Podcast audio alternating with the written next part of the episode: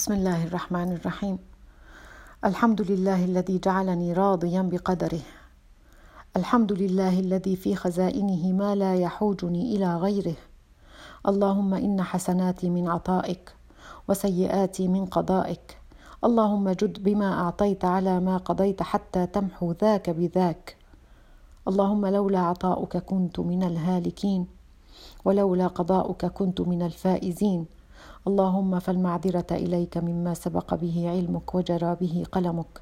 وأنت أعز وأكرم وأجل وأعظم من أن تطاع إلا بإذنك ومن, أن تعصى إلا بعلمك فالحجة لك.